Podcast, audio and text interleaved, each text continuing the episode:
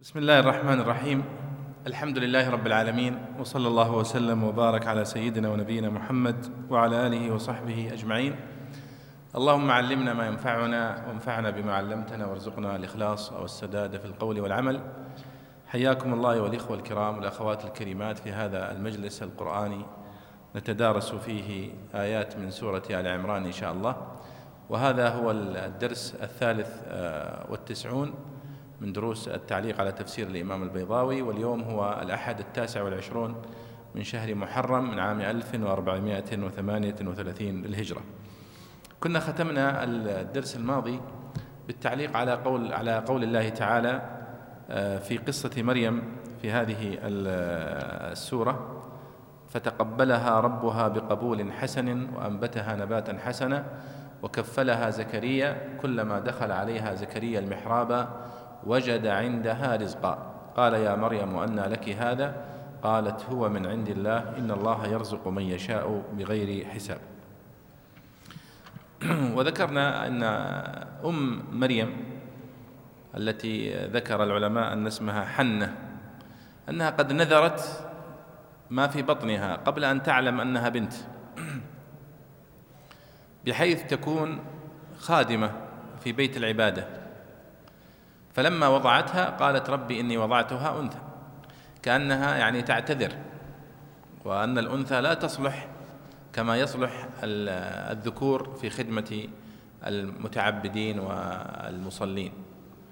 ولكن الله سبحانه وتعالى قد تقبل هذه البنت ولأن والدها توفي قبل ولادتها. مريم ابنة عمران توفي عمران قبل ولادتها ف اقترع الأقارب. أقارب مريم زوج خالتها زكريا وبعض الأقارب من هو الذي يتولى كفالتها وتربيتها. ولأن الله سبحانه وتعالى قد ألقى على مريم شيء من المحبة بحيث أنهم كلهم رغبوا في كفالتها. فاضطروا إلى أن يقترعوا بالقرعة في من يفوز بهذا الكفالة. ولذلك الله سبحانه وتعالى قال وما كنت لديهم إذ يلقون أقلامهم أيهم يكفل مريم. حتى ذكر المفسرون هنا أن المقصود يلقون أقلامهم لأنهم كلهم الذين دخلوا في هذا في هذا المنافسة إن صح التعبير كلهم من العلماء الذين يكتبون التوراة. فقال الله سبحانه وتعالى يلقون أقلامهم التي يكتبون بها التوراة. وما كنت لديهم إذ يختصمون. وهذا إشارة أيها الإخوة إلى أن مريم عليها الصلاة والسلام وهي والدة عيسى. منذ ولادتها وهي محفوظة بحفظ الله يكرمك. هذه أول مرة نشرب قهوة في المسجد. جزاك الله عنا خير يا شيخ. فالله سبحانه وتعالى أشار هنا إلى هذه القصة من بدايتها. وبالمناسبة يعني حتى تستطيع أن تعرف قصة مريم وقصة ولادتها وقبل ولادتها تجمع الآيات التي وردت في قصة مريم في القرآن الكريم ثم ترتبها. فتلقى عندنا سورة آل عمران من السور الطويلة التي تكلمت عن القصة بالتفصيل. ولذلك سميت سورة آل عمران. المقصود بآل عمران هنا أسرة آل عمران اللي هم يعني والد مريم والد مريم ووالدة مريم وزوج خالتها وابن ابن خالة مريم اللي هو يحيى وعيسى ابن مريم. هذه أسرة مباركة. وهم من ذرية موسى عليه الصلاة والسلام من ذرية آه، يعقوب ومن ذرية إبراهيم عليه الصلاة والسلام. فهم أسرة تسلسلت فيها النبوة والكتاب. ولذلك الله سبحانه وتعالى قال في آه، في سورة النساء أم يحسدون الناس على ما آتاهم الله من فضله؟ فقد آتينا آل إبراهيم الكتاب والحكمة وآتيناهم ملكا عظيما. ما ضبط هذا؟ عشان الإنترنت يمكن. الإنترنت نعم. طيب بسيط. وأيضا في سورة مريم تفصيل لقصة مريم صح ولا لا؟ من أولها كاف ها يا عين صاد ذكر رحمة ربك عبده زكريا إذ نادى ربه نداء خفيا قال ربي إني وهن العظم مني وذكر قصة زكريا أولا ثم ذكر قصة مريم بعدها. وهنا ذكر قصة مريم ثم ذكر قصة زكريا. وفي غيرها من السور وإذا جمعت هذه الآيات مع بعضها تعطينا صورة متكاملة عن قصة ولادة عيسى بن مريم عليه الصلاة والسلام وقصة نبوته وقصة محاولة قتله والآيات التي أرسله الله سبحانه وتعالى بها وتفاصيلها. طيب. هنا في هذه السورة في سورة العمران ذكر الله سبحانه وتعالى أولا قصة أم مريم عليه السلام آه، عندما حملت بمريم قبل ولادة عيسى قبل ولادة مريم وأنها نذرت ما في بطنها لله سبحانه وتعالى. وفيها إشارة أيها الإخوة إلى أن النذر سنة قديمة يعني لدى الأنبياء عليهم الصلاة والسلام من قديم. طيب وأيضا فيها إشارة في قوله كلما دخل عليها المحراب وجد عندها رزقا. قال يا مريم وأنى لك هذا. قال المفسرون أنه كان يجد عندها فاكهة الصيف في الشتاء وفاكهة الشتاء في الصيف وهذا غريب. ولكنه في زماننا هذا ليس غريبا صح؟ لأن الآن موجودة الثلاجات وموجودة البرادات هذه فأصبحت مسألة سهلة يعني. اليوم ولله الحمد أصبحت هذه بفضل الله سبحانه وتعالى ليست غريبة. ولذلك أنت اليوم لو تشوف فاكهة الصيف عند واحد ما تستغرب صح؟ يعني التمر الآن اللي هو من فواكه الصيف أصبح طول السنة موجود مع الناس. الرطب هذا. وقسوا على ذلك بقية الفواكه. لكن في هذا يعني تربية مريم عليه الصلاة والسلام فيها يعني معجزات فعلا. هذا الموضوع اللي هو يعني آه، الطعام الذي كان يأتيها الملائكة التي كانت تأتيها بين الوقت والآخر توحي إليها وتثبتها. آه، زكريا هنا الذين جاءوا إليهم الملائكة وهو جبريل عليه الصلاة والسلام. فقصة مريم مليئة بالكرامات ومن قبل أن تولد. ولذلك تلاحظون في سورة آه، مريم قال الله سبحانه وتعالى هنا تنبيه يعني قبل أن نبدأ في في الحديث. بعض البحوث الآن المنتشرة التي تشير إلى الخطأ في التاريخ الميلادي. يقولون أن التاريخ الميلادي فيه خلل. لماذا في خلل؟ قالوا لأن الاحتفالات الأيام هذه الآن الاحتفالات التي تتم بعيد الميلاد بالكريزماس هذه يسمونها كريزماس صح؟ والتي تكون في 25 آه، ديسمبر أظن أو أو في آخر في شهر 12 في 25 12 بالميلادي تكون في أوقات في وقت يكون فيه ثلج وبرد في حين أن الله سبحانه وتعالى ذكر في سورة مريم أنه قال في ولادة مريم وهزي إليك بجذع النخلة. تساقط عليك رطبا جنيا. قالوا طيب الرطب ما يأتي إلا في الصيف. فكيف تكون ولادة مريم في وقت الصيف ولادة عيسى في وقت الشتاء واليوم في وقت الصيف وأنتم تحتفلون اليوم به في وقت الشتاء؟ ويظنون أن هذا فيه نوع من الاستدراك المهم جدا في تاريخ النصرانية كما يظنون. فيقال لهم بكل بساطة أصلا آه، كونها قبل أن تحمل بعيسى عليه الصلاة والسلام كانت تأتيها فاكهة الصيف في الشتاء وفاكهة الشتاء في الصيف. وكيف تدب كيف نرتبها هذه؟ فهذه معجزة. فولادة أو حملها بعيسى دون أب هذه معجزة. ثم ولادته آه، وحده. وأيضا أنها تستطيع هزة جذع النخلة فتساقط عليها الرطب. هذه كرامة لها. فيعني الذي جعلها تحمل من غير أب لا يعجزه أن ينبت النخل في آه، في الشتاء. فالله سبحانه وتعالى على كل شيء قدير وهو سبحانه مسبب الأسباب. ولذلك العلماء دائما يستفيدون من هذه القصة قصة أمر مريم بأن تهز النخلة فائدة وهي أنه ينبغي على الإنسان حتى يحصل على شيء أن يبذل السبب. ما في شيء بلاش. ما في شيء بلاش. حتى للأنبياء عليهم الصلاة والسلام لا بد أن يبذل السبب ثم يأتيه المدد. لاحظوها هذه سنة سبحان الله من سنن الله في خلقه. ما في أحد جالس ويأتيه يعني شيء من غير تعب. ولذلك كان أمره لمريم بأن تهز جذع النخلة لبذل السبب فقط. قال ما يمكن أنها تستطيع تهز جذع النخل ولذلك يقول أحد العلماء يقول ألم ترى أن الله قال لمريم وهزي إليك الجذع يساقط الرطب ولو شاء أن تجنيه من غير هزه جنته ولكن كل شيء له سبب. فكان هذا من هذا. طيب اليوم دعونا نواصل في الحديث عن زكريا عليه الصلاة والسلام. زكريا لما كفل مريم ووضعها في بيته عنده وزوجته هي خالتها أخت مريم كان يدخل عليها بين الحين الآخر يتفقدها وهي تنشأ كما ينشأ البنات لكنها نشأت آه، عليها يعني سيماء الطاعة والقنوت والصلاة والعبادة والانقطاع لها فكان يجد عندها الفواكه في غير وقتها فيعجب. من أين أن لك هذا؟ قالت هو من عند الله. إن الله يرزق من يشاء بغير حساب. فتاقت نفسه إلى الذرية وكان لا يولد له. ولاحظوا هذه الابتلاءات بعدم الولادة للأنبياء. الأنبياء الذين هم صفوة الخلق لديهم يعني يبتلون في في ذرياتهم فيتأخرون أو يموت أبنائهم أو يعني يقع لهم قصص مثل نوح عليه الصلاة والسلام لما رفض ابنه أن يستجيب لدعوته.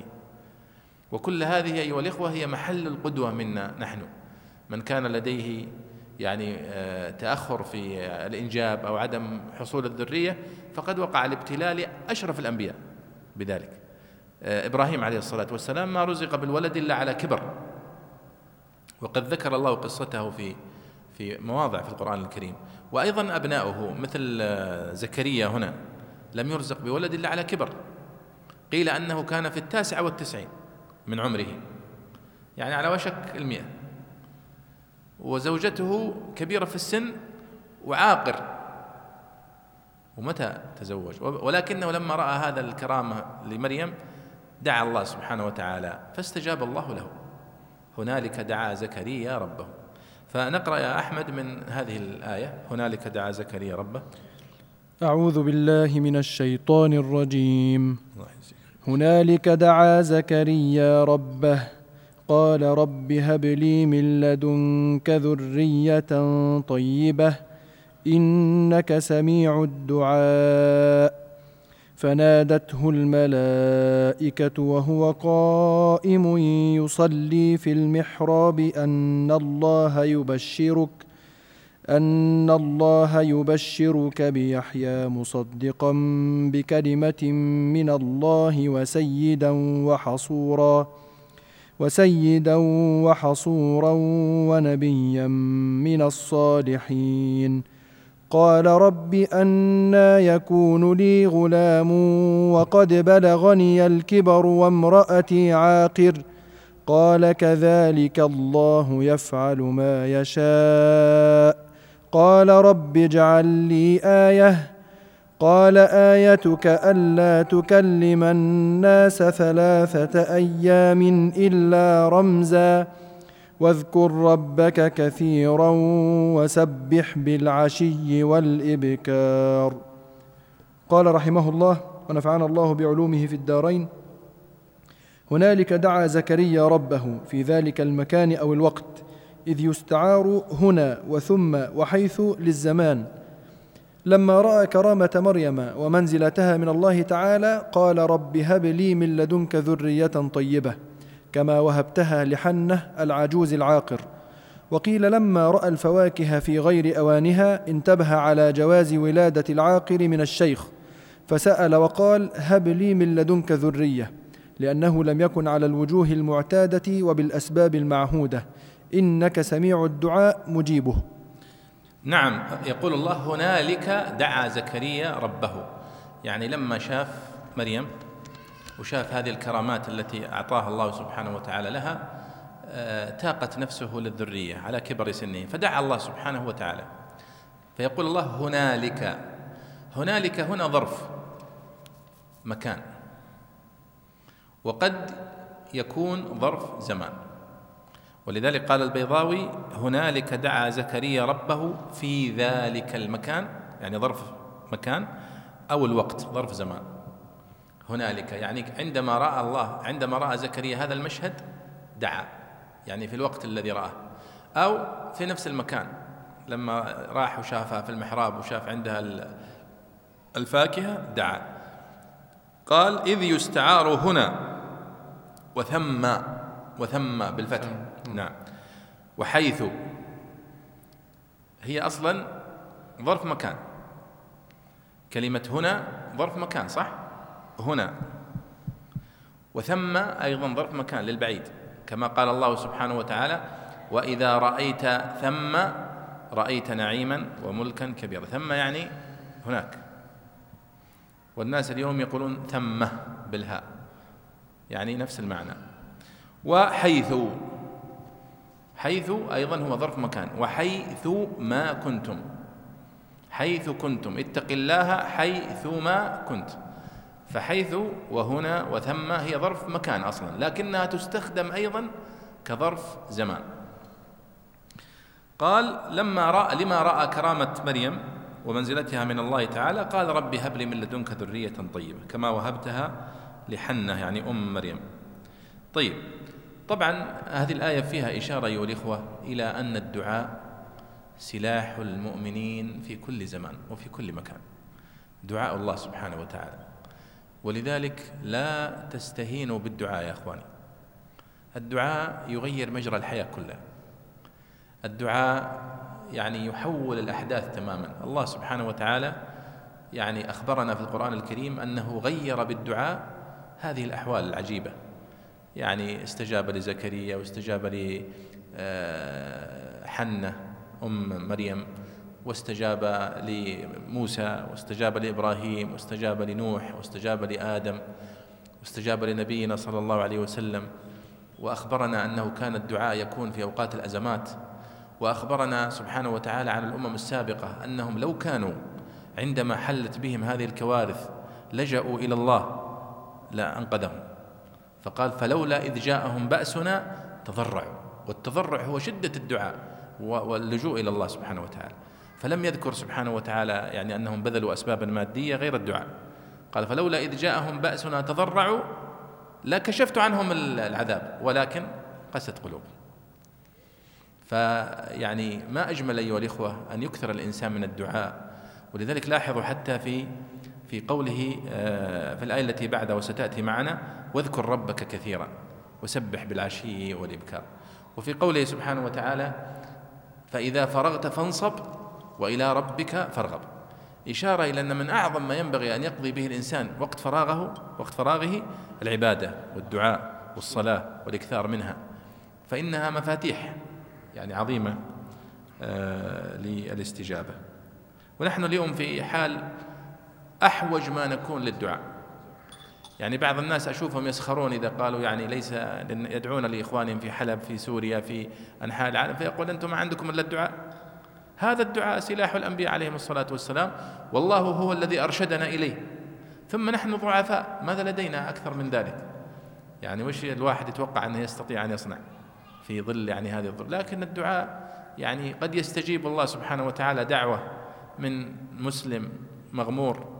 يغير الله بها الكون كما حصل من قصة سليمان عليه الصلاة والسلام عندما خرج يستسقي بمن معه صح؟ فلما رأى نملها تستسقي. قال ارجعوا. فقد سقيتم بدعوة غيركم.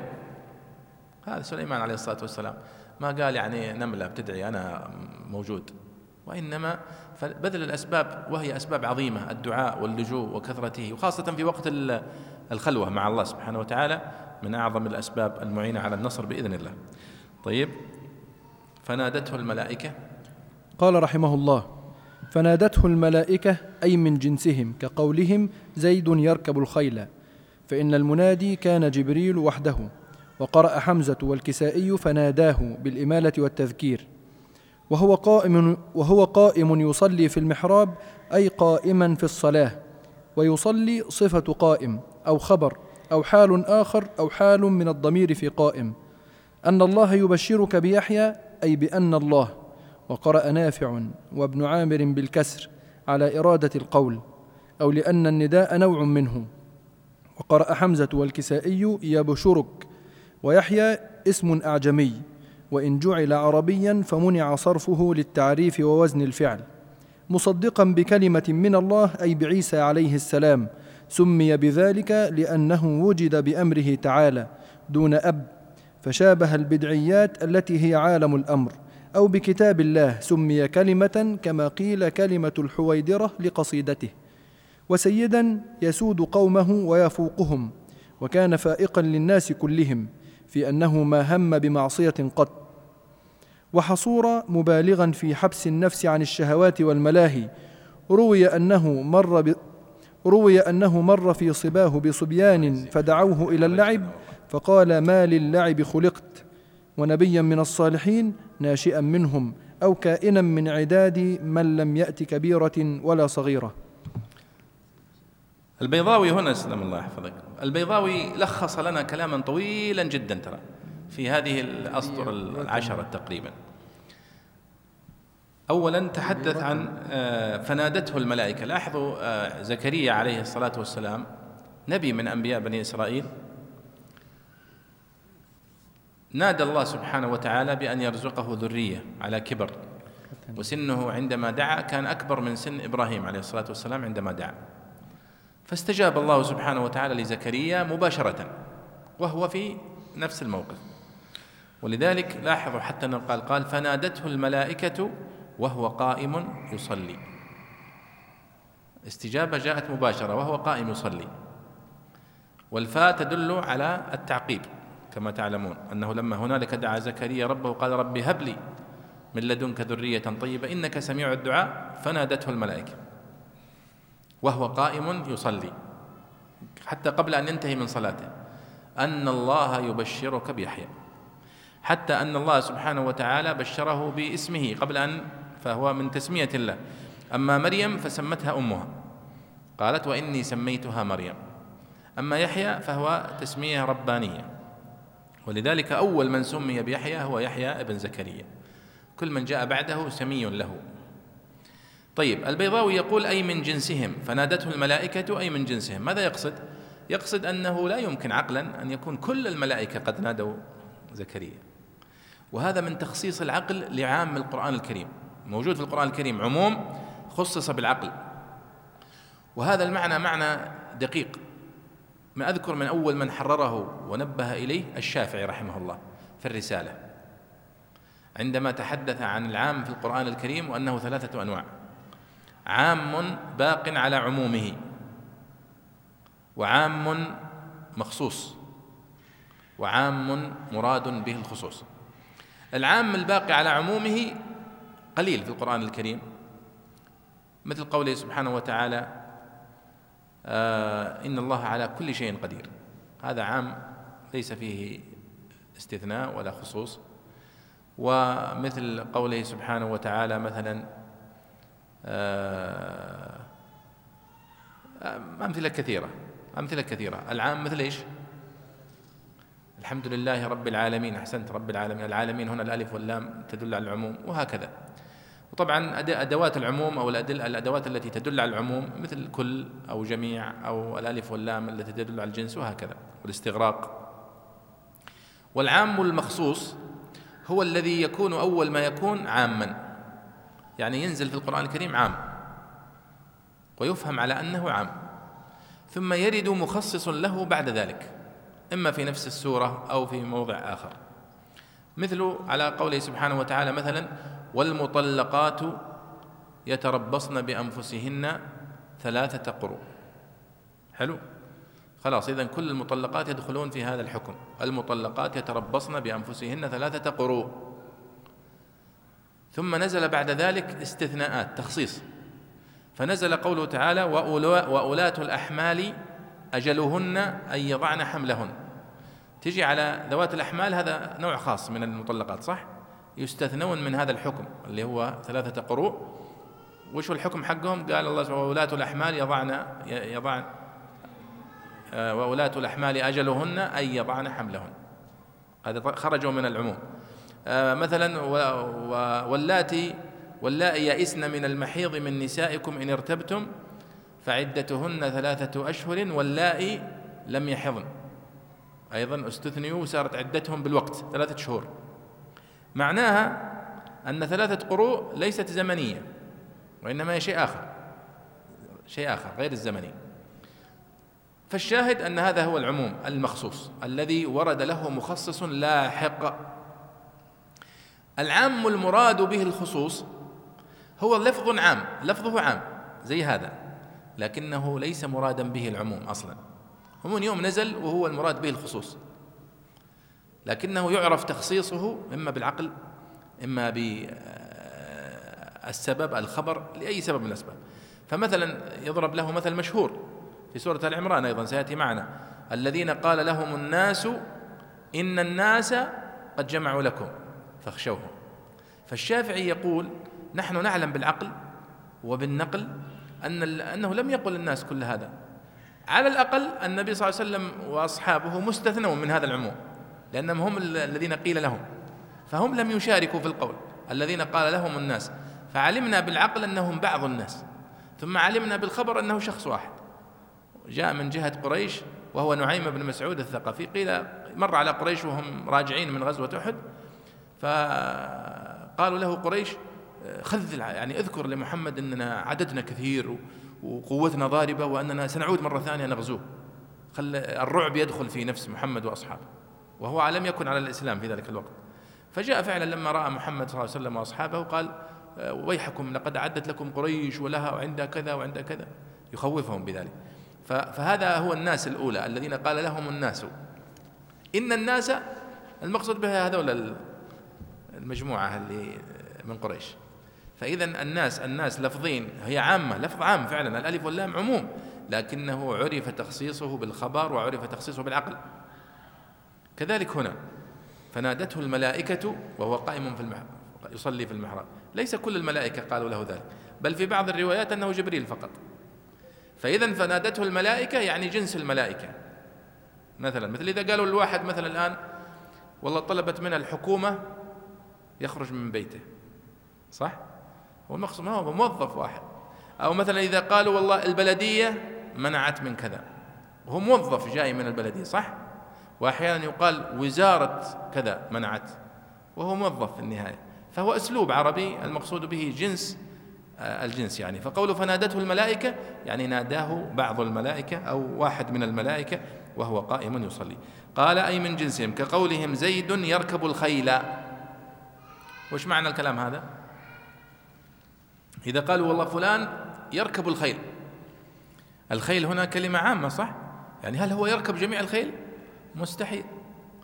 لكن يقصدون أنه يستطيع أن يركب الخيل لأنه جرب ركب خيل واحد منها قال فإن المنادي كان جبريل وحده.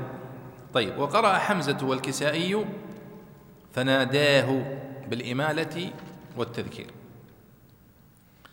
وهو قائم يصلي في المحراب أي قائما في الصلاة. يصلي صفة قائم أو خبر أو حال آخر أو حال من الضمير في قائم. لها أربعة إعرابات. وهو قائم يصلي. فنادته الملائكة وهو قائم يصلي. فبعضهم قال هي حال وهو وجيه وبعضهم قال أنها صفة وبعضهم أن قال أنها حال آه، أو خبر وبعضهم قال أنها حال من الضمير في قائم. وهو قائم هو يصلي. وهذا طبعا تلخيص لكلام الزمخشري. الزمخشري هو الذي يطيل في الإعراب والأصفهاني. طيب أن الله يبشرك بيحيى. نادوه ماذا قالوا له في البشارة؟ أن الله يبشرك بيحيى.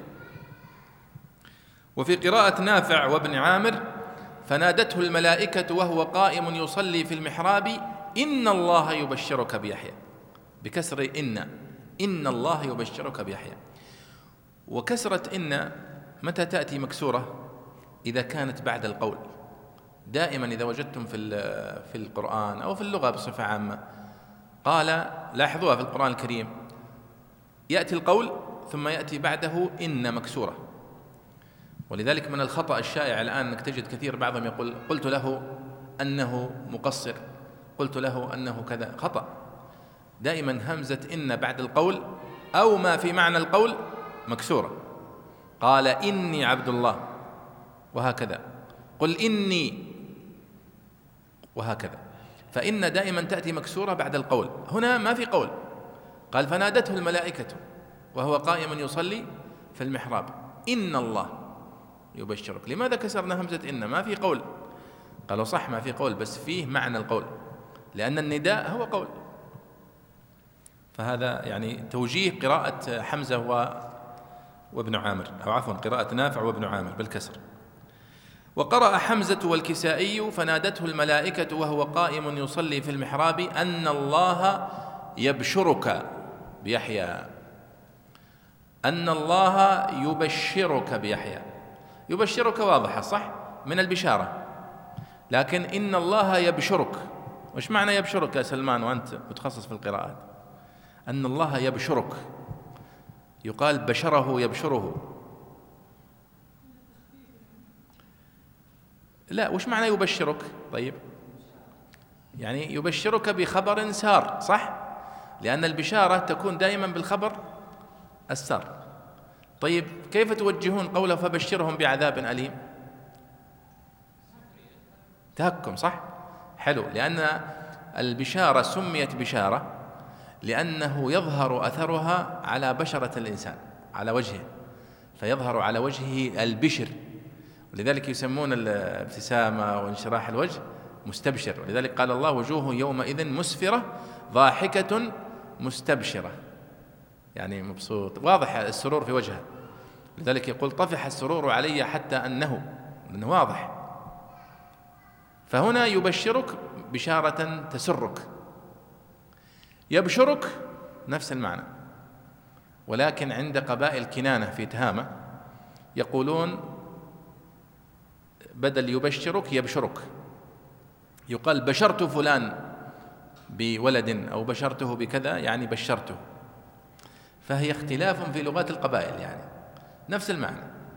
إن الله يبشرك يعني يبلغك بما يسرك ويدخل السرور عليك. طيب. قال البيضاوي ويحيى اسم أعجمي وإن جعل عربيا فمنع فمنع صرفه للتعريف ووزن الفعل. يحيى في خلاف اسم يحيى. هل هو أعجمي ولا عربي؟ القول الأول أنه أعجمي وهذا هو الراجح وأنه اسم أعجمي بالعبرانية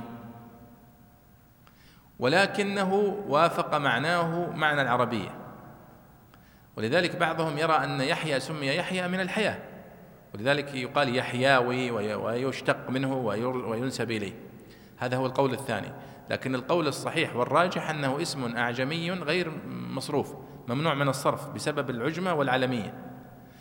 ولذلك قال هنا ويحيى اسم أعجمي وقدم هذا القول. قال وإن جعل عربيا فمنع صرفه للتعريف ووزن الفعل.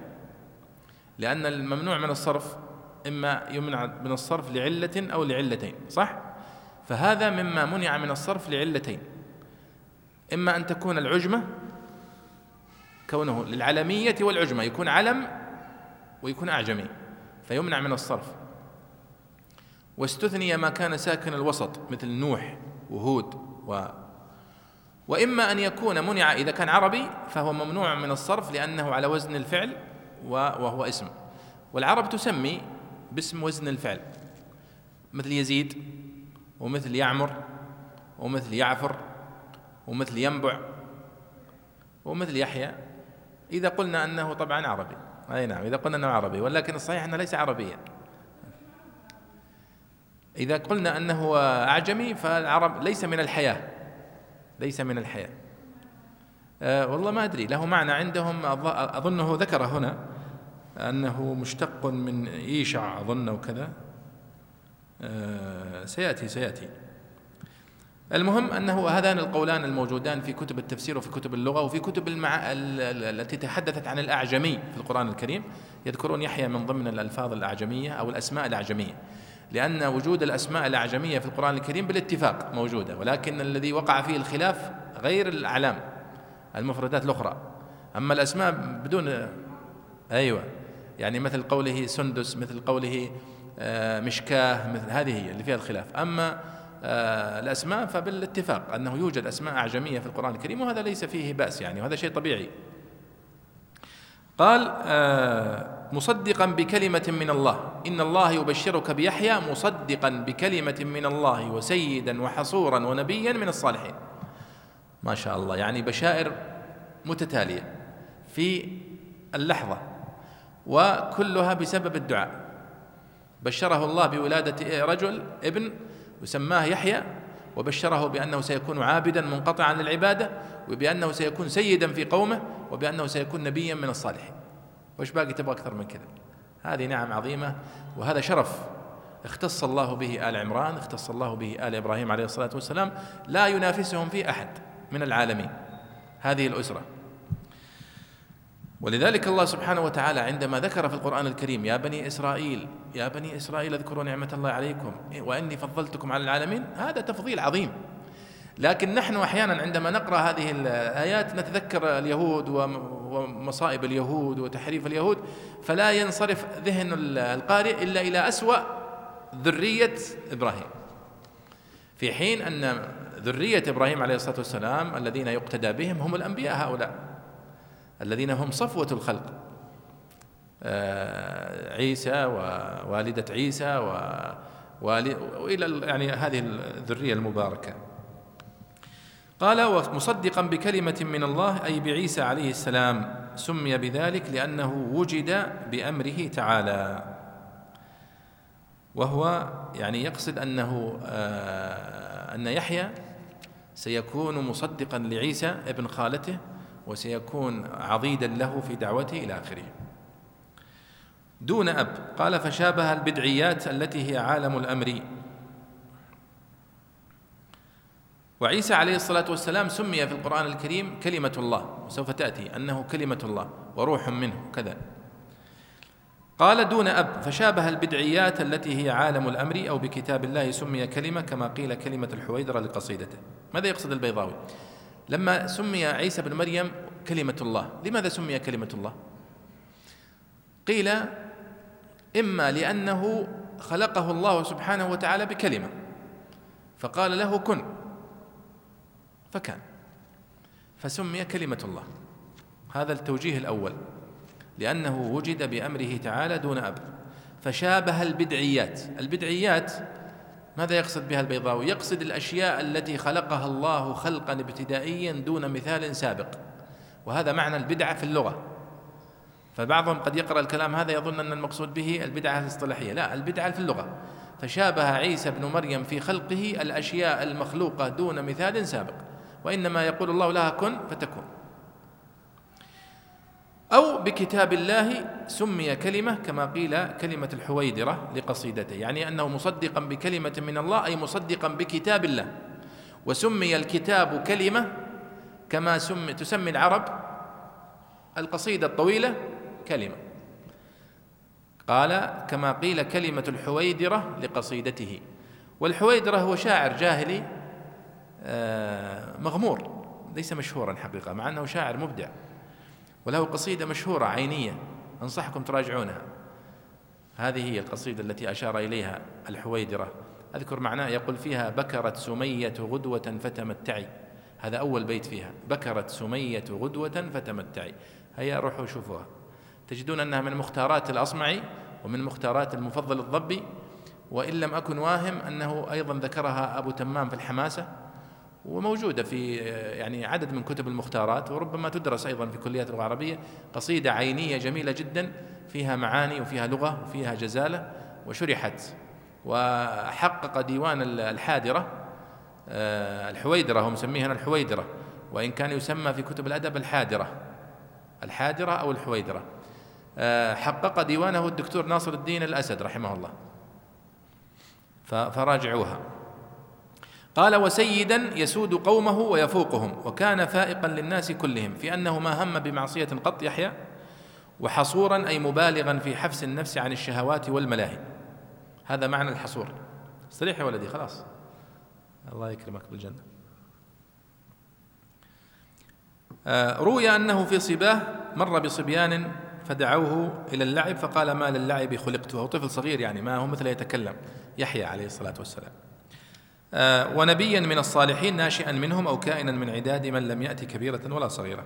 اذا هذه كما تلاحظون البشارة بيحيى عليه الصلاة والسلام لمريم عفوا لزكريا قبل ولادة مريم. عفوا قبل ولادة عيسى. فيحيى أكبر من من عيسى مع أنه آه، يعني بينهم قرابة. نحن قلنا أن زكريا زوجته هي خالة مريم مباشرة. أخت حنة. مباشرة يعني. فعيسى يصبح بهذا ابن ماذا؟ طبعا هم يقولون في كتب التفسير أنه ابن خالة يحيى. آه، لكن هو في الحقيقة ابن خالة مريم. يحيى ابن خالة مريم. وعيسى ابن بنت خالة آه، يحيى. أي نعم. لكن يعني تعرفون كما يقولون هذا عمي وهو ابن العم وكذا. طيب. قال رب أن يكون لي غلام. مفاجأة الآن. زكريا عليه الصلاة والسلام هو اللي يدعو فلما تأتيه البشارة يستغرب. استغرابا بشريا عاديا يعني. أيوة تفضل يا أحمد. قال رحمه الله قال رب أن يكون لي غلام استبعادا من حيث العادة أو استعظاما أو تعجيبا أو استفهاما عن كيفية حدوثه. وقد بلغني الكبر أدركني كبر السن وأثر في وكان له تسع وتسعون ولامرأته ثمان وتسعون سنة. وامرأة عاقر لا تلد من العقر وهو القطع لأنها ذات عقر من الأولاد. قال كذلك الله يفعل ما يشاء أي يفعل ما يشاء من العجائب مثل ذلك الفعل وهو إنشاء الولد من شيخ فان وعجوز عاقر. أو كما أنت عليه وزوجك من الكبر والعقر يفعل ما يشاء من خلق الولد. أو كذلك الله مبتدأ وخبر. أي الله على مثل هذه الصفة. ويفعل ما يشاء بيان له أو كذلك خبر مبتدأ محذوف أي الأمر كذلك. والله يفعل ما يشاء بيان له. نعم. زكريا عليه الصلاة والسلام لما جاءته هذه البشارة آه، ما تحمل من الفرح والسعادة. قال ربي أن يكون لي غلام وقد بلغني الكبر. فالناس دائما يسأل هذا السؤال كيف يدعو ثم يستغرب. صح؟ وهذا الاستغراب البشري الطبيعي العادي. الذي يؤكد حقيقة والتي يقولون فيها دائما أنه ليس الخبر كالمعاينة. صح؟ ليس الخبر كالمعاينة. وهذا الذي دعا إبراهيم عليه السلام أن أن يسأل ربه أن يريه كيف يحيي الموتى قال وإذ قال إبراهيم ربي أرني كيف تحيي الموتى؟ قال أولم تؤمن؟ قال بلى ولكن ليطمئن قلبي. فهذا يحقق يعني الإنسان بطبيعة الإنسان سبحان الله. يعني إذا رأى الشيء غير أنه إذا سمع به أو قرأ عنه. فليس الخبر كالمعنى فزكريا لما جاءته هذه البشائر المتتالية آه، يعني قال كيف؟ يعني يأتيني الولد وأنا في هذه السن وامرأتي في هذه السن يعني الظروف لا تسمح. قال كذلك الله يفعل ما يشاء. ولذلك شفت الدعاء كيف؟ يعني يكسر نواميس الكون ويغير الحياة تماما. فيعني المسألة ليست طبية. الطبيب يعجز عن هذا. وهذا فيه إشارة أيها الإخوة إلى أن وإن كانت بس خفيفة إلى أن الطب كان يعني إلى حد ما متقدما في زمنهم. فهو يعرف أن زوجته عاقر وأن كبير السن لا يولد له غالبا ويعني هذه كلها معطيات لعدم الإنجاب. فكيف يكون الإنجاب؟ ولذلك قال البيضاوي قال ربي أن يكون لي غلام. أن هنا يعني كيف؟ على وجه الاستغراب والاستبعاد. كما قبل قبل شوية قال لما دخل على مريم أن لك هذا. من وين يعني؟ غريبة.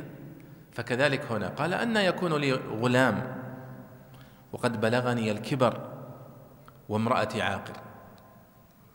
هذه كلها معطيات لا تؤدي إلى النتيجة التي سمعتها أن يكون لي ولد. قال كذلك الله يفعل ما يشاء.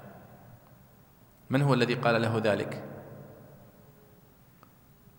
شفتوا كيف فهم الأسلوب القرآني يا شباب؟ قبل شوية قال الله فنادته الملائكة. صح؟ وجاء بصيغة الجمع التي تدل على الملائكة. ثم هنا في أثناء الحوار اكتشفنا أنه واحد.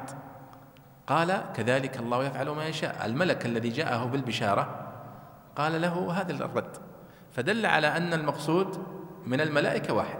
لاحظتم قال كذلك الله يفعل ما يشاء. وهذا حتى في التحليل اللغوي للنصوص الشرعية أو للنصوص العربية بصفة عامة مهم جدا. أنك تدرك من خلال السياق المقصود. أضرب لكم مثال مثلا. أبو الطيب المتنبي الشاعر العباسي المعروف. له قصيدة مشهورة يقول فيها لا خيل عندك تهديها ولا مال.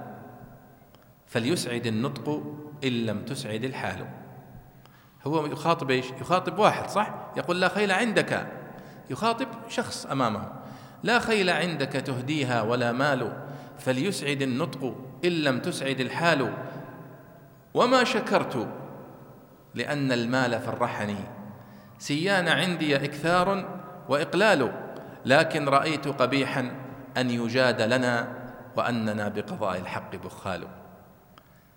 ماذا يعني الكلام هذا؟ يعني أنه يخاطب نفسه أصلا من أول القصيدة فهو يقول لا خيل عندي أهديها ولا مال. على الأقل أتكلم بكلام كويس. ما دام ما عندك فلوس فخل لسانك كويس. فهو يقول لا خيل عندك تهديها ولا مال يقصد نفسه. طيب لماذا يخاطبها بصيغة المخاطب؟ قالوا هذا أسلوب في العربية يسمى أسلوب إيش؟ التجريد. أحسنت. التجريد هو أنك يا علي تشخص شخص أمامك وتخاطبه وأنت تقصد نفسك. فت يعني كأنك تخاطب شخص. فيقول لا خيل عندك تهديها. ثم في البيت الثاني يقول وما شكرت لأن المال فرحني. فاذا هو يتكلم عن نفسه. وهذا تكلم عنها ابن الأثير في كتاب المثل السائر في أدب الكاتب والشاعر بكلام في غاية الجمال على هذه القصيدة. فكذلك هنا فنادته الملائكة في الآية اللي قبلها قالوا هذا يقصد بعض الملائكة وفي الروايات أنه جبريل. ثم هنا قال ربي أن يكون لي غلام وقد بلغني الكبر. قال كذلك الله يفعل ما يشاء. رد عليه الملك أو الملك الذي بشره. طيب وقد بلغني الكبر أي أدركني السن وأثر في وكان له تسع وتسعون ولامرأته ثمان وتسعون سنة. شوفوا مثل التحديدات هذه نحن نأخذها من الروايات الإسرائيلية. شفتوا؟ ولذلك أنا نبهت في أكثر من موضع إلى أننا نحن نستخدم الإسرائيليات في التفسير في مثل هذه المواضع. لو ما تدرون كم عمر آه، زكريا ولا زوجته ما في مشكلة صح؟ لن يتأثر المعنى ولا شيء. لكنك تجد في الرواية الإسرائيلية أنه كان عمره 99 سنة. فنضيفها في كتب التفسير تضيف للمعنى تفصيلا أكثر بس. لكن في بعض الروايات الإسرائيلية آه، كذب. وإساءة للأنبياء عليهم الصلاة والسلام هذه تستبعد ولا كرامة. أما هذا النوع من الإسرائيليات فليس في الاستفادة منه في تفسير القرآن الكريم حرج. وكان يحصل على ذلك عبد الله بن عباس وعبد الله وغيره من الصحابة. لماذا؟ لأنهم عندما يقرؤون في هذه القصص مثل هذه القصص مثلا في سورة الأنعام في سورة العمران وغيرها البقرة نقرأ قصص كثيرة لبني إسرائيل كثير منها يأتي مختصرا جدا فلما أسلم بعض علماء أهل الكتاب مثل عبد الله بن سلام في المدينة أو كعب الأحبار بعد ذلك من التابعين أو وهب بن منبه آه، وهم علماء. كانوا علماء مراجع علمية في اليهودية. فلما أسلموا وقرأوا هذه القصص تلقائيا بدأوا يتحدثون مع الصحابة ومع التابعين عن هذه القصص الموجودة في التوراة وأنها تفاصيل هذه القصة كذا وكذا وربما يسألهم عبد الله بن عباس ماذا تجد عندك في في هذه القصة؟ في قوله سبحانه وتعالى مثلا واسألهم عن القرية التي كانت حاضرة البحر إذ يعدون في السبت إذ تأتيهم حيتانهم يوم سبتهم شرعا ويوم لا يسبتون لا تأتيهم. وش القرية؟ وش القصة؟ وش كذا؟ وش كذا؟ وش كذا؟ هذه التفاصيل موجودة عندهم في الإسرائيليات. فالاستفادة منها في مثل هذا لا حرج فيه أبدا. وإنما الحرج هو في إيراد الروايات المكذوبة التي تسيء الأنبياء وتسيء إلى يعني هؤلاء.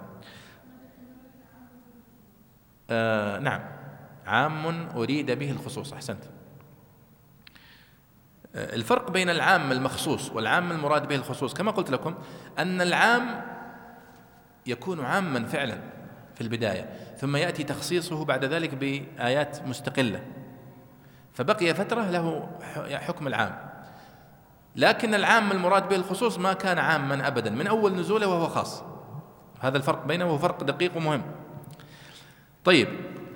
قال وامرأتي عاقر أي لا تلد إلى آخره من العقر وهو القطع لأنها ذات عقر من الأولاد. قال كذلك الله يفعل ما يشاء أي يفعل ما يشاء من العجائب مثل ذلك الفعل وهو إنشاء الولد من شيخ فان وعجوز عاقر أو كما أنت عليه وزوجك إلى آخره. طيب. قال رب اجعل لي آية تفضل. لاحظوا. آه، عيسى زكريا عليه الصلاة والسلام وهو نبي. وهو من أعرف الناس بالله وبقدرته وأنه على كل شيء قدير. ولكن أحب أن يكون هناك علامات. أحب أن يطمئن. والله سبحانه وتعالى لم يعاتبه على ذلك. صح؟ ما قال يعني أنت لم تؤمن؟ أنت لا تصدقني؟ صح؟ لا. وإنما طبيعة البشر يريد. ولذلك يستدل العلماء في مثل هذه الآيات يقولون أنه لا مانع أن يطلب المرء ما يزيد به يقينه ويزيد به إيمانه. مثل اللي يدرسون مثلا في صناعة المحاور يبحثون عن الأدلة يبحثون عن اليقينيات ما في مشكلة. كل ما من شأنه أن يزيد من إيمانك ومن يقينك ومن قناعتك ابحث عنه. ما ليس هناك حرج. ولذلك إبراهيم وهو سيدنا جميعا وهو أبو هؤلاء الأنبياء جميعا سأل مثل هذه الأسئلة. قال ربي أرني كيف تحيي الموتى. قال أولم تؤمن؟ قال بلى. ولكن ليطمئن قلبي. ومعناها يا شباب معناها أن طمأنينة القلب مرحلة فوق الإيمان مرحلة متقدمة من الإيمان والثقة التامة. طيب نعم. قال رب اجعل لي آية. تفضل يا شيخ. قال رحمه الله قال رب اجعل لي آية علامة أعرف بها الحبل لأستقبله بالبشاشة والشكر وتزيح مشقة الانتظار. قال آيتك ألا تكلم الناس ثلاثة أيام؟ قال آيتك ألا تكلم الناس ثلاثة أيام أي لا تقدر على تكليم الناس ثلاثة وإنما حبس لسانه عن مكالمتهم خاصة ليخلص المدة لذكر الله تعالى وشكره. قضاء لحق النعمة وكأنه قال آيتك أن يحبس لسانك إلا عن الشكر. وأحسن الجواب ما اشتق من السؤال. إلا رمز إشارة بنحو يد أو رأس وأصله التحرك ومنه الراموز للبحر والاستثناء منقطع وقيل متصل والمراد بالكلام ما دل على الضمير. وقرئ رمز بفتحتين رمز. رمز. وقرئ رمز بفتحتين كخدم وجمع آه، رامز ورمز كرسل. جمع رموز على أنه حال منه ومن الناس بمعنى مترامزين كقوله ما استطعت أن أضبط البيت يا شيخ. هذا عنترة الشاعر. يقول متى ما تلقني فردين ترجف روانف أليتيك وتستطار. يعني يقول لك إنسان جبان يعني إذا قابلتني ما تستطيع أنك ت- تجابهني. تخاف على طول. طبعا الشاهد فيها متى ما تلقني فردين. يعني متى ما تلقني أنا وياك بس وحدنا. فمتى ما تلقني أنا وأنت فردين. لكنه قال متى ما تلقني فردين. والمقصود متى تلقني فردا وأنت فرد. أيوه يعني هذا قول عنترة المهم كمل. واذكر ربك كثيرا في أيام الحبسة وهو مؤكد, وهو مؤكد لما قبله مبين للغرض منه وتقييد الأمر بالكثرة يدل على أنه لا يفيد التكرار.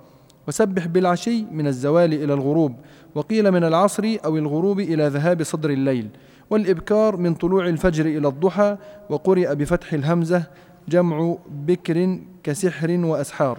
أحسنت. لاحظوا يا إخواني الآن فرحة زكريا عليه الصلاة والسلام بهذه البشارة. مع أنه كبير في السن يعني عمره 99 سنة يعني وش باقي يستفيد من الولد الصغير هذا؟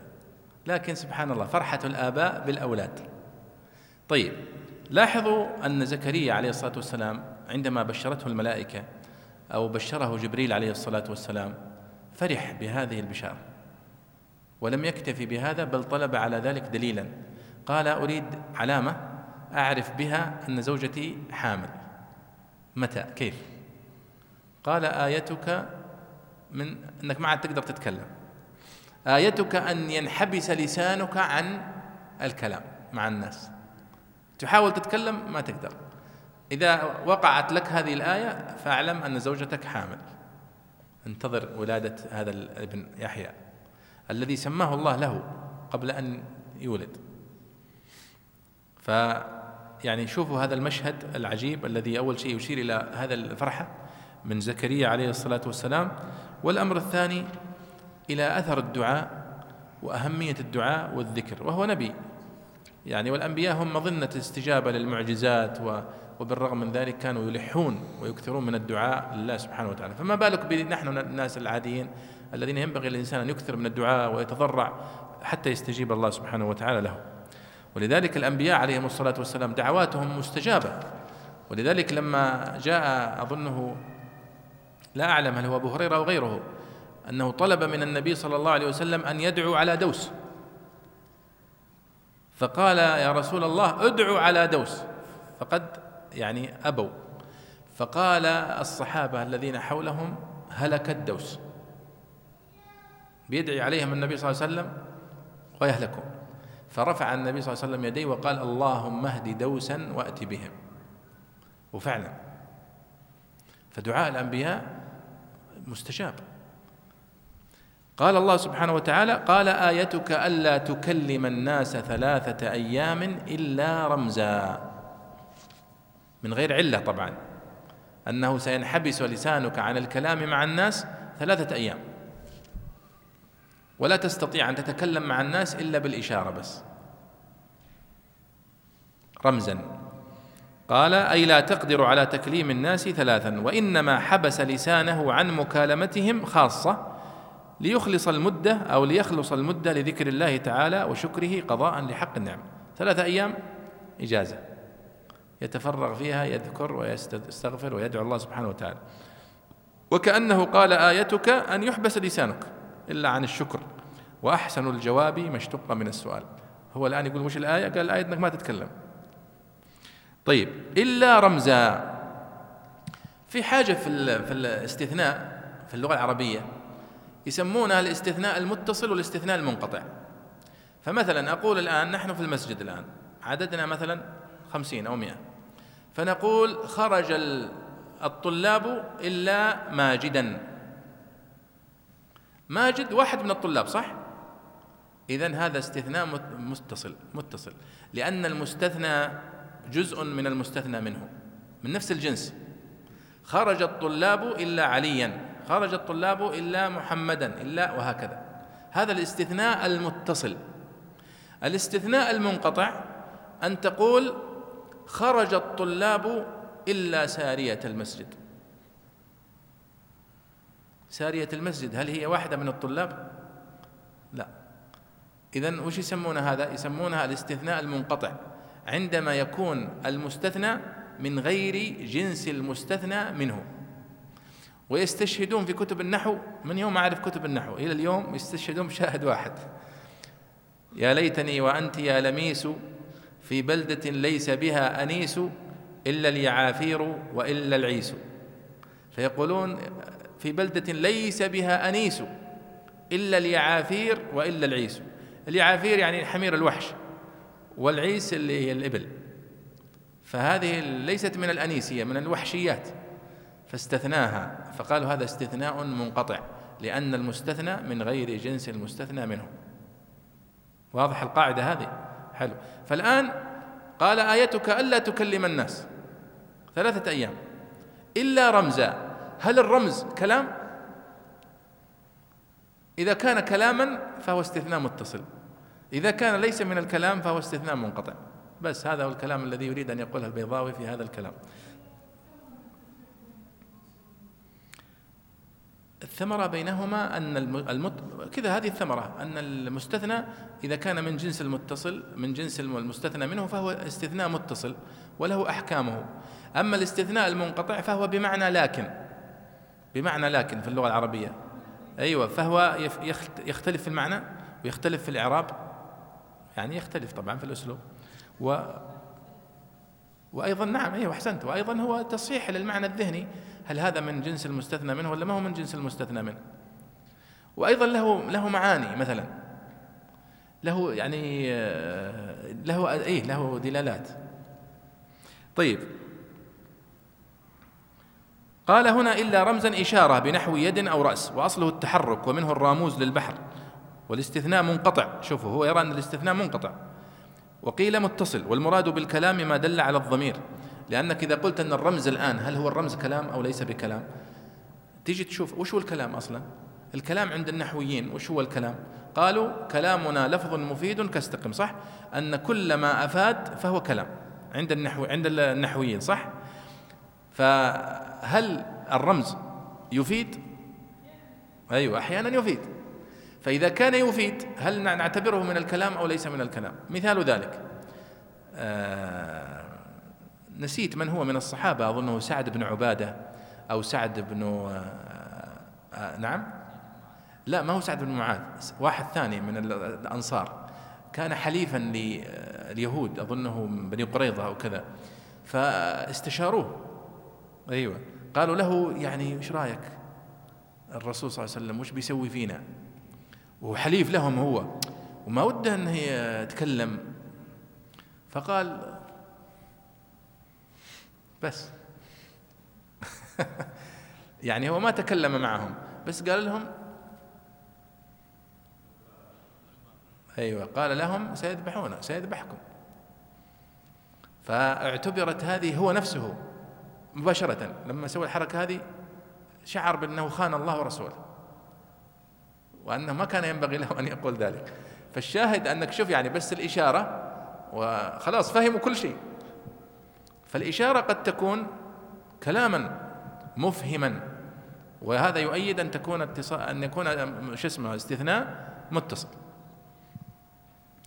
طيب وقيل إلى آخره ثم فرق هو بين الرمز إلا رمزا أو رمزا وأن الرمز يقصد به الحال التي هم عليها مترامزين. والرمز حتى نحن في لغتنا اليوم هو الرمز هو الإشارة صح؟ إما الرمز أن يكون بالإشارة أو أن يكون بالكتابة صح ولا لا؟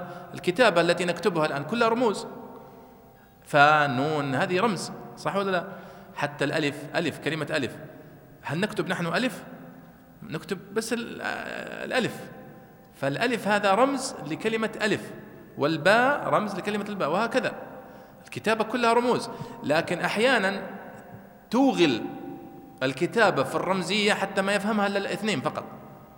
ثم توغل حتى في التشفير حتى تصبح الشفرات الموجودة الآن الشفرات المعقدة التي لا يفهمها إلا يعني آه، يعني ناس خاصين جدا خاصة في الحروب وفي غيرها. فكل هذه رموز يعني تدل على معاني يفهمها الناس وإلا ما لها معنى. ولذلك حتى الكتابات الموجودة على الجدران آه، من النقوش الجاهلية وغيرها كلها رموز. وبعضهم يقول هذه رموز ليس لها معنى غير صحيح بل هي رموز لها معنى ومعاني أحيانا عميقة تقرأ ويعني يفهم منها أشياء كثيرة. ما أجمل أيها الإخوة أن يتأمل الواحد منا في معاني الأذان؟ كلمات الأذان لها معاني عظيمة وعميقة.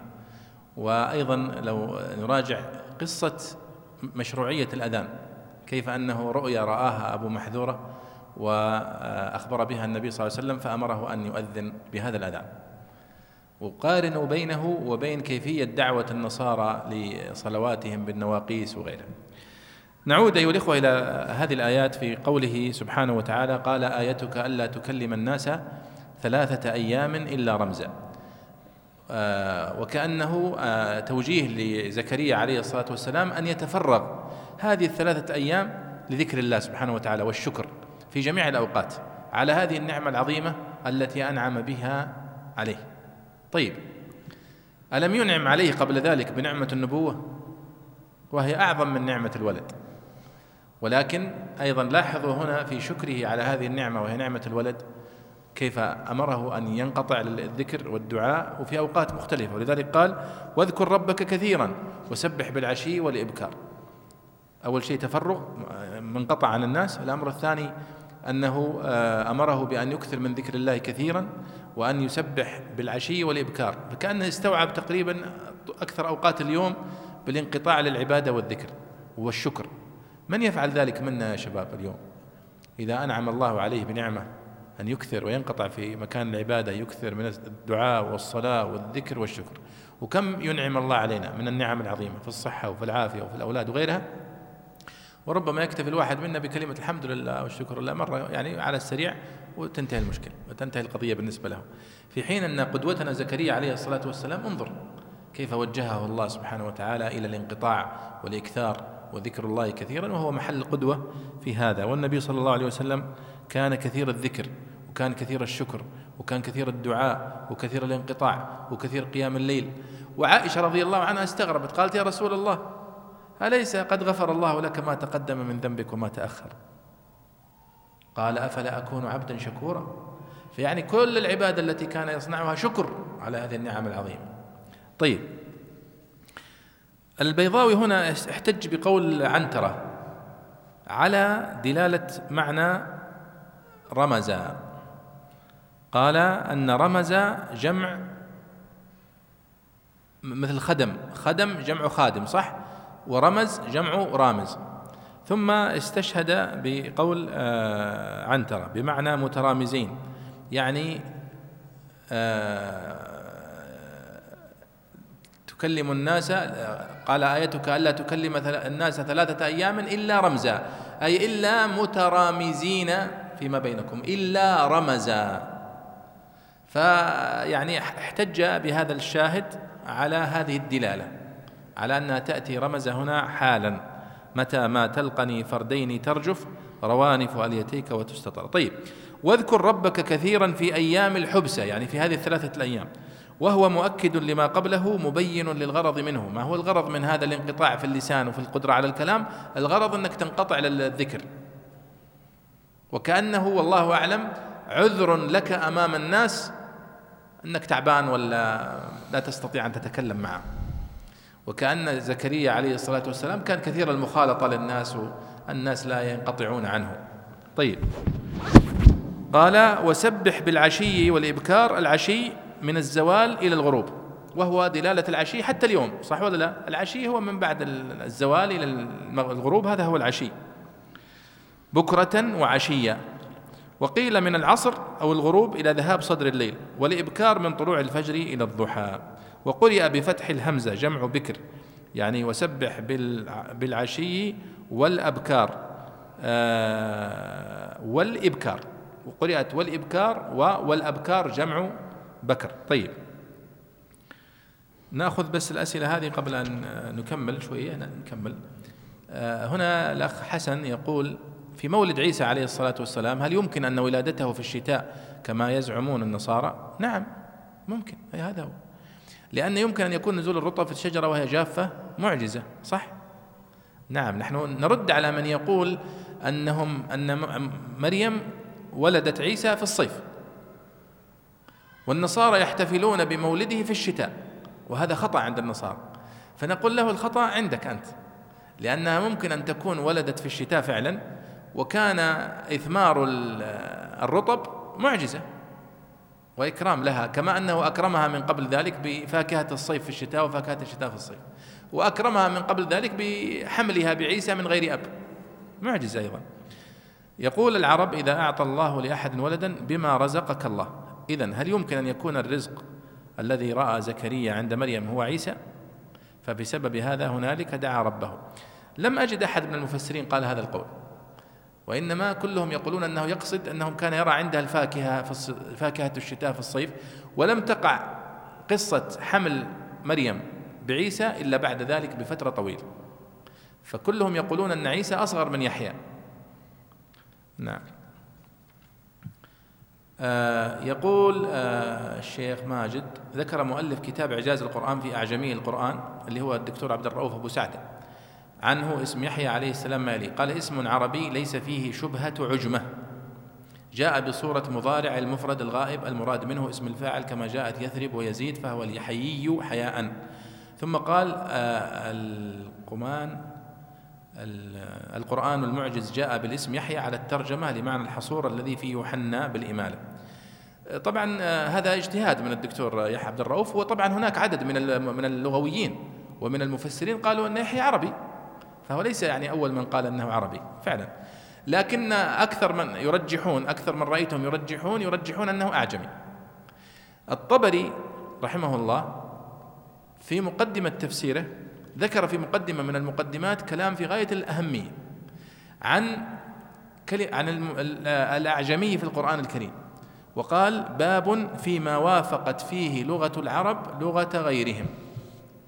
فيرى أن هذه المفردات التي يسميها بعضهم أعجمية ليست كذلك وإنما وافقت العربية فيها الأعجمية.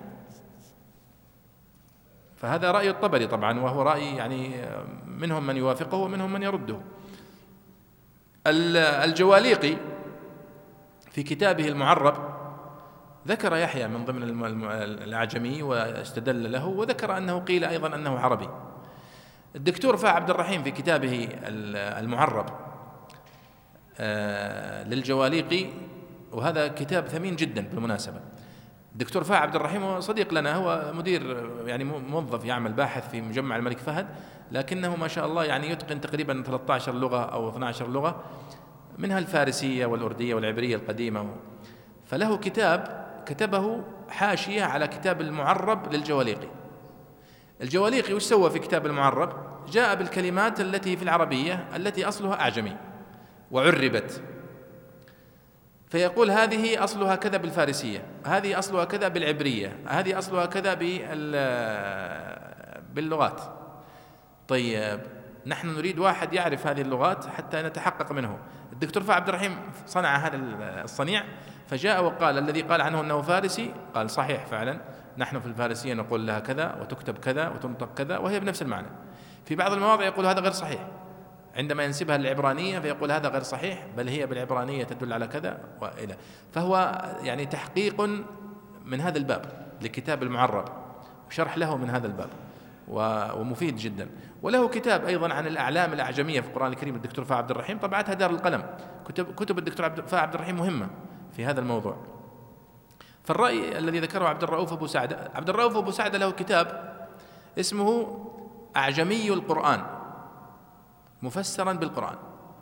فيرى أن ال- الأسماء الأعجمية اللي وردت في القرآن الكريم مثل آه، عيسى مثل يعقوب مثل أنها وردت في القرآن الكريم معانيها. فمثلا ذكر رحمة عبد ربك عبده زكريا. يقول أن زكريا من الرحمة. وأنها وردت في السياق الرحمة فهذا تفسير للمعنى. ويعني قاس ذلك على كل الأسماء ومنها كلمة ومنها اسم يحيى. فيقول أن يحيى آه، مأخوذ من الحياء. أيوة. والله وصفه بأنه حصور. وحصور يعني منقطع للعبادة. لا يشتغل بالزواج ولا بغيره. فهذا هو معنى يحيى. كأنه يحيى يعني من الانقطاع للعبادة. و آه، الانقطاع عن غيرها. فيعني على كل حال هذا رأيه طبعا كتابه هذا كتاب ثمين جدا فيه يعني اجتهادات في غاية الأهمية. قدم له الدكتور محمود الطناحي مقدمة جميلة. أي نعم. لكن أيضا لا يوافق على كل ما قال. أي نعم. لأن هناك آه، يعني أحيانا بعض النظريات تستهوي الباحث لأنها تنطبق على 50% من آه، من المفردات. فيأتي في الخمسين الباقية يتكلف ويتعسف في آه، توجيهها حتى توافق النظرية. وهذا شيء طبيعي في النظريات كلها العلمية بصفة عامة. لكن النظريات التي تطرح دائما في علم اللسانيات أو في علم اللغات أو كذا يعني محفوفة بالغموض الشديد. فالجزم بها يعني قد يكون في مجازفة. طيب آه، كمل يا شيخ أحمد. باقي عندنا خمس دقائق. نستفيد منها في آية. وإذ قالت الملائكة يا مريم الآن انتقل الحديث يا شباب. من الحديث مع زكريا والبشارة له بيحيى سينتقل الحديث يرجع لمريم الآن. وتبدأ قصة مريم مع ابنها عيسى طويلة جدا. ولذلك نحن في سورة آل عمران هنا قلنا أنها فيها توحيد الإشارة للتوحيد والرد على النصارى. أول رد على النصارى من اسم السورة لأنهم هم يدعون أن عيسى إله أو ابن للإله. فالله يقول لا لا أبدا. عيسى وأمه وجدته وخاله وخالته هذول أسرة معروفة أسرة بشرية. اسم- اسمه مال عمران. وذلك قال إن الله اصطفى آدم ونوحا. صحيح أنهم من المصطفين الأخيار لكن ليسوا آلهة. أسرة عادية بشرية. أيوة. قال رحمه الله وإذ قالت الملائكة يا مريم إن الله اصطفاك وطهرك واصطفاك على نساء العالمين كلموها شفاها كرامة لها. ومن, ومن أنكر الكرامة زعم أن ذلك كانت كانت معجزة لزكريا أو ارهاصا لنبوة عيسى عليه الصلاة والسلام. فإن الإجماع على أنه سبحانه وتعالى لم يستنبئ امرأة لقوله تعالى وما أرسلنا من قبلك إلا رجالا. وقيل ألهموها. والاصطفاء الأول تقبلها من أمها ولم يقبل قبلها أنثى وتفريغها للعبادة وإغناؤها برزق الجنة عن الكسب وتطهيرها عما يستقذر من النساء. والثاني هدايتها وإرسال الملائكة إليها وتخصيصها بالكرامات السنية بالكرامات السنية؟ السنية نعم. وتخصيصها بالكرامات السنية كالولد من غير أب وتبرئتها مما قذفتها به اليهود بإنطاق الطفل وجعلها وابنها آية للعالمين. حلو. كمل الآية اللي بعدها. يا مريم اقنتي لربك واسجدي واركعي مع الراكعين أمرت بالصلاة في الجماعة بذكر أركانها. مبالغة في المحافظة عليها وقدم السجود على الركوع إما لكونه كذلك في شريعتهم أو للتنبيه على أن الواو لا توجب الترتيب أو ليقترن اركعي بالراكعين للإيذان بأن من بأن من ليس في صلاتهم ركوع ليسوا مصلين. وقيل المراد بالقنوت إدامة الطاعة كقوله تعالى أمن هو قانت آناء الليل ساجدا وقائما. وبالسجود كالصلاة كقوله تعالى وإدبار, وأدبار السجود وبالركوع الخشوع والإخبات. نعم أيضا يقال أيها الإخوة في وإذ قالت الملائكة يا مريم إن الله اصطفاك وطهرك واصطفاك أنه إما جبريل عليه الصلاة والسلام الذي بلغها بذلك أو غيره. والغالب أنه جبريل عليه الصلاة والسلام فهو رسول الله إلى أنبيائه وإلى رسله وإلى أوليائه. هنا بدأت الحديث مع قصة مريم عليه الصلاة والسلام. وكيف أن الله سبحانه وتعالى قد خصها بفضائل لم يخصص بها غيرها من النساء. فالملائكة بلغوها وإذ قالت الملائكة يا مريم إن الله اصطفاك. تذكرون في المحاضرة الماضية ذكر المفسر أن المريم معناها باللغة العبرانية القانتة العابدة وهي كذلك. وهذا يوافق نظرية الدكتور عبد الرؤوف أبو سعد. قال كلموها شفاها كرامة لها. ومن أنكر الكرامة زعم أن ذلك كانت معجزة لزكريا النبي أو إرهاصا لنبوة عيسى عليه الصلاة والسلام فإن الإجماع منعقد على أنه سبحانه وتعالى لم يرسل امرأة قط نبية لقوله تعالى وما أرسلنا من قبلك إلا رجالا واضح هذا؟ يعني الآن تذكرون في المحاضرة الماضية تحدثنا عن الكرامة صح؟ وأن الكرامة ثابتة بالقرآن وبالسنة وبالإجماع وأنه خالف بعضهم فيها. وأنكر أن تكون هناك كرامات تقع لأتباع الأنبياء. والمعجزات هي التي تقع للأنبياء صح؟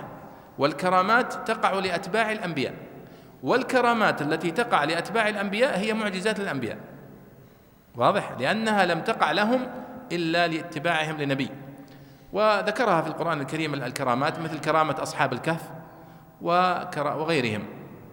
طيب هذه الآية يعني خطاب لمريم عليها الصلاة والسلام يا مريم إن الله اصطفاك. الاصطفاء تحدثنا عن معناه أن الاصطفاء هو الاختيار والاجتباء على سبيل التكريم وعلى سبيل الكرامة. هذا الاصطفاء. ويكون الاصطفاء من من متعدد. يكون هناك عدد كبير مثلا تصطفي من الطلاب واحدا. لكن إذا ما صار عندك إلا واحد تقول أنا اصطفيتك. اصطفيتني ما في إلا أنا أصلا. ولذلك تحدثنا عن قوله تعالى إن الله اصطفى آدما ونوحا. كيف اصطفى آدم وهو أبو البشر؟ فالمفسرون قالوا اصطفاه من بين خلقه من بين الملائكة ومن, غيره. طيب اصطفاها قال وقيل ألهموها. يعني كيف جاء هذا الخطاب لمريم؟ هل هو خطاب مباشر من جبريل؟ هل هو إلهام؟ هذا مسألة الحقيقة ليس هناك عليها دليل. لكن في القرآن الكريم ذكر الله سبحانه وتعالى الطرق التي يكلم الله بها البشر. فقال وما كان وما كان ما إيش؟ وش هي الآية في سورة الشورى؟ نعم وما كان لبشر أن يكلمه الله إلا وحيا أو من وراء حجاب أو يرسل رسولا فيوحي بإذنه ما يشاء. هذه ثلاث طرق ذكرها الله لكيف يبلغ الوحي لأنبيائه. إما بالوحي يدخل فيه الإلهام يدخل فيه مخاطبة الملائكة يدخل فيه كما قال النبي صلى الله عليه وسلم عندما سئل كيف يأتيك الوحي يا رسول الله؟ قال أحيانا يأتيني كصلصلة الجرس وهو أشده علي ثم يفصم عني وقد وعيته ما قال. طيب هل أحد من الصحابة ذكر أنه سمع الرسول صلى الله عليه وسلم وهو ينزل عليه الوحي يوما أنه سمع صلصلة جرس أبدا. ولا أحد سمع صلصلة جرس وإنما كانوا يقولون تسمع عنده دوي كدوي النحل. وذكروا أنهم كانوا يرونه إذا نزل عليه الوحي وهو يتفصد جبينه عرقا في اليوم الشديد البرد. فهذه حالات يعني خاصة. ليس علينا ليس هناك أدلة نعرفها غير هذه الروايات القصيرة القليلة. كيف ينزل كيف يصل الوحي إلى البشر. لكن كما ذكر في مريم عليها السلام أنه جاءها الوحي. نادتها الملائكة كلمتها لكن ما كيف؟ ما نعرف. آه وأخبروها بأن الله اصطفاها. ثم ذكر البيضاوي هنا كيف اصطفى الله مريم؟ قال اصطفاها أولا بأنه تقبلها من أمها مع أنها بنت. والعادة أنه لا يتقبل البنت أنه ينذر أن تخدم المسجد وتخدم العباد ما يخدم إلا الأولاد. لكن الله تقبل مريم إكراما لها واصطفاء. لما سيكون لها من الشأن بعد ذلك؟ وقد كان. أيضا قال وتفريغها للعبادة هذا اصطفاء. وإغناؤها برزق الجنة عن الكسب أيضا هذا اصطفاء. وتطهيرها عما يستقذر من النساء أيضا اصطفاء. هذه كلها أيضا تدخل في الروايات الإسرائيلية ترى لأن هناك حديث عن مريم وعن ولادتها وعن صفاتها أشياء كثيرة غير موجودة في القرآن والسنة وإنما موجودة في كتب في الإنجيل خصوصا يعني. إلى آخر ما ذكره البيضاوي ولعلنا نتوقف إن شاء الله ونكمل إن شاء الله قصة مريم من هذه الآية إلى آخر القصة إن شاء الله تعالى. وصلى الله وسلم على سيدنا ونبينا محمد وعلى آله وصحبه أجمعين.